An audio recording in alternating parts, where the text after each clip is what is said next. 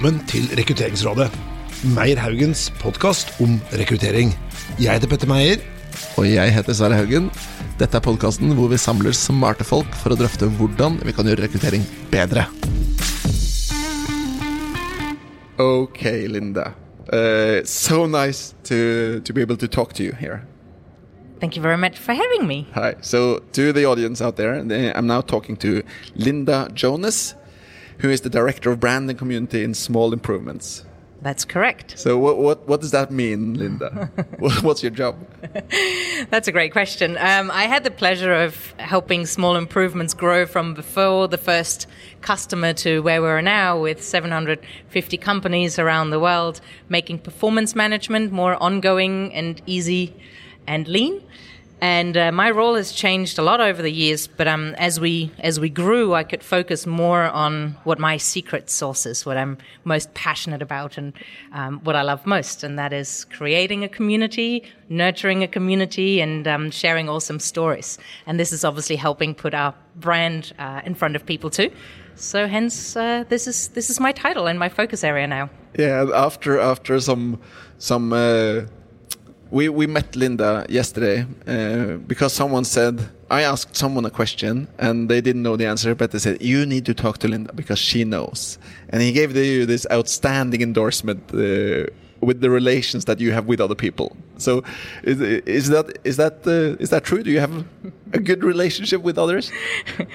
well, uh, thank you very much for the for the compliment. Um, I have a genuine interest in in people and in making work a better place and in cultures. And I think that everyone has a story to share. So it started when I was traveling around the world um, a long while ago um, for a year, and I and I realized that sometimes we go by here's a doctor, he must be an interesting person, but they're super boring, and here's like someone, whatever, a homeless person who suddenly has like the most incredible story to share. So I've always been a keen follower of people and, and, and listener and uh, liked to hear what others have to say because everyone has a story to share. So this is something that has um, just been coming naturally to me, I think, over time. And by now, I can make a living out of it by working for a company and just uh, going to speak with amazing HR leaders and recruiters, hearing their stories. And then I have the pleasure of either making introductions between incredible people um, or sharing their story. And it's just so humbling. So just at this conference as well, I saw two people that I that I introduced to each other, and it's so satisfying when you see them just chatting away, yeah. and you kind of you know that they would get on. And yeah. who am I to put those incredible leaders together? It just it gives me so much joy. So um, yeah, I. I am enjoying it. yeah, I can see. I can see all your body language as well. Um, because and the reason we're talking about this is that relationships are important in in recruitment. We, we because uh, today uh, some of the big challenges are that it's it's not hard to find good people. It's hard to move them. Mm -hmm. and we have this feeling that in in today's industry companies are trying to communicate more and more and more to get the right people to apply. And it's this massive overload of opportunity mm -hmm. for candidates. And in this environment trust is super important, and networks, relations are important. Mm -hmm. So the question would be when you talk to people or when you meet people, uh, when do you feel that you sort of have the trust relationship with them? Great question, and it's there isn't like a, trust is at the core of any kind of relationship, whether that is from an uh, prospect to a customer or an employee to a potential new uh, employer, um, trust is really integral for, for, for any kind of good relationship, and it's so hard to build and you don't know when you're there because it depends where you're coming from how you start and how many opportunities you get as well. Um, so you just need to look at the individual and try to have find some things in common to talk and and then if you have multiple touch points or multiple things that, that you talk about, um, the relationship evolves. And if you if you then like each other, then uh, you can you can move, move, forward. I don't I don't know when the time has come, but um, it certainly goes beyond the first meeting or beyond the first impression. Uh, do you sure. do you ever meet people that you don't like? Rarely, because everyone has a good story to share. So even the people that I don't like, uh, that just manifests my other ideas. so I take something out from that too. Um, but for sure, there's certain personalities and certain types of people that I'm less inclined to want to spend more time with and build a kind of relationship. Is this is this something we could sort of? Is there some? If we were to abstract this into some sort of tip for people who doesn't have this natural uh, knack of building relations, uh, is it possible to make an abstract of it, or is it just a feeling? Well, from from me to others, it is it is my personal bias and my personal feeling, right? There there isn't there isn't a tip, but for anyone that is going out to networking events, um, being open, being inquisitive, being curious, asking questions, going beyond your your comfort zone and uh, initiating a conversation can be really really hard.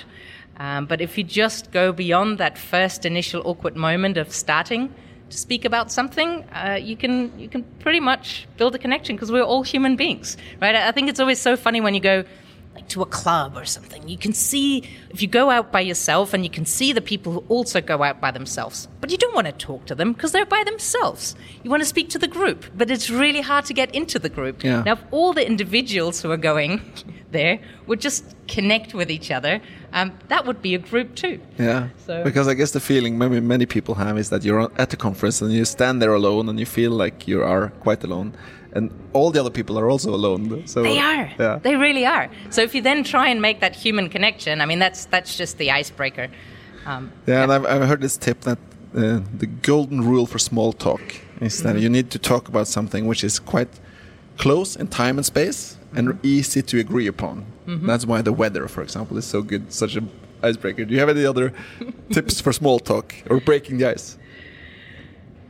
Um, well, the weather is is one. I that's a very low com- common denominator. I mean, at an event like this, it's always great to ask, "What was the highlight of your day? Yeah. What did you learn? Um, or or what are you here to learn? What are you here to see?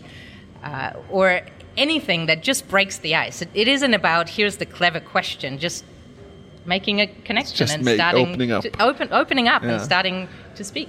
Yeah. And, and this way we ended up yesterday playing poker uh, and drinking beer. poker without money, though. poker without Yeah. money. That was a that was a very fun night. But again, like people were open. We're here for the same reason, right? We want to learn. We want to we want to exchange stories, and um, we want to get better at what we're doing. So we need to be open and willing to connect with others. That that's at least how I like to get my information is connecting with others and sharing stories and hearing, and then it's a give and take. So it, it's always better when you start to be curious about the other person.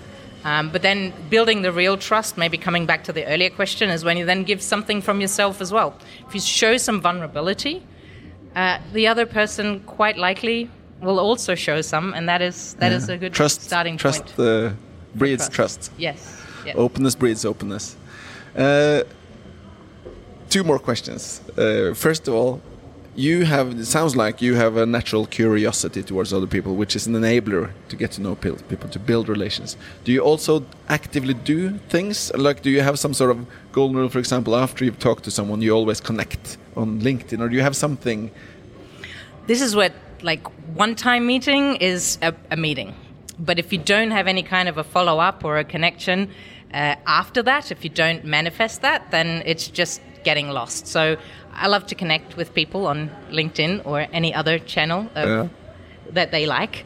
Um, and I like to take notes on business cards or, or, or on my phone and see what we talked about so that I can follow up with something that's relevant. Again, I love sharing information. So uh, I have some people who say, whenever I meet Linda, like when I go home, I just have a whole list of articles to go through.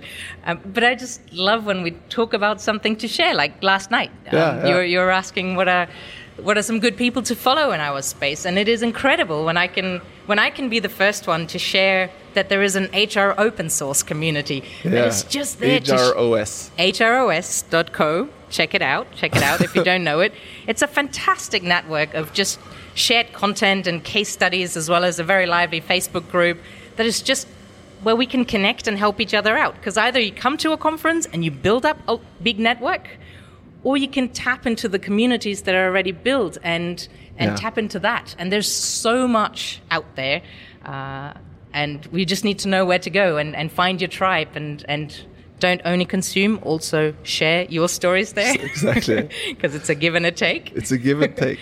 But yeah. No, but that's that's uh, that's a good tip. HROS.co, and we will look into that when we go get home from Paris. The last question for me for me is: um, most of the listeners here in this in this podcast are recruiters. Uh, and when they are going out to build relations with people, they have they don't have the privilege of meeting uh, physically. It's often by email or LinkedIn messages or something. Uh, how much more difficult is it to build relations through digital channels? Do you say? It's always easier in person, um, but it can go either way, right? It's a very strong polarization. you can very much, very quickly like or dislike someone in, in person and make, make a connection quicker. Um, both of the extremes are harder uh, when there's less, less context. So, for instance, in a digital world. Um, Twitter has changed my life Oh, back in 2011 when I first joined Twitter, there were so many Twitter chats, T-chat and HR book chat and whatnot, whatever it was back in the day, where like-minded people were meeting at the same time to talk about a subject of their interest. And I, I met people from all over the world who had the same interest like me, but I would have never been able to meet them in person. Now, this online connection was the first spark okay. right? Then you take the spark further, and it's like, oh, our views seem to be aligned. Why don't we jump on a Skype call? Back in the day, it was Skype. Uh, whatever channel you prefer today. Uh, why don't we jump on a call and then you talk, and then and then another year later or something, maybe you get to meet them in person at a conference. So you're building it up. So then you're already friends. then you're sort, already yeah. friends. But it starts somewhere. So that first spark Hmm. is still there, and then you need to build up on that. So um, for recruiters, again, I mean, the same reason apply. Be you, be vulnerable, be generous with your information. Give, don't only take. Like we like to see people as numbers and hitting our targets and forgetting that these are real human beings. Like think of it like any other type of relationship Yeah. that you would that you would enter and treat your candidates the same as you would Not like um, meat. n- no no and not like the business target numbers because Exactly. that will show through Yeah. that will show through and one other great um, network and community for recruiters uh, if you're not aware of bill boorman or the true community the Trumunity on unconference around recruiting. You should definitely check that one out. And there's the 10 year anniversary in London coming up in November. Um, and that's like Bill Boorman is an incredible, incredible community builder who's inspired many of us uh, in, in this space to just bring people together and share stories and talk. Uh, and this is one very specific for recruiters. So go and check that out if you don't know it. Wonderful. Thank you so much, Linda Jonas from Small Improvements. Thank you very much for having me.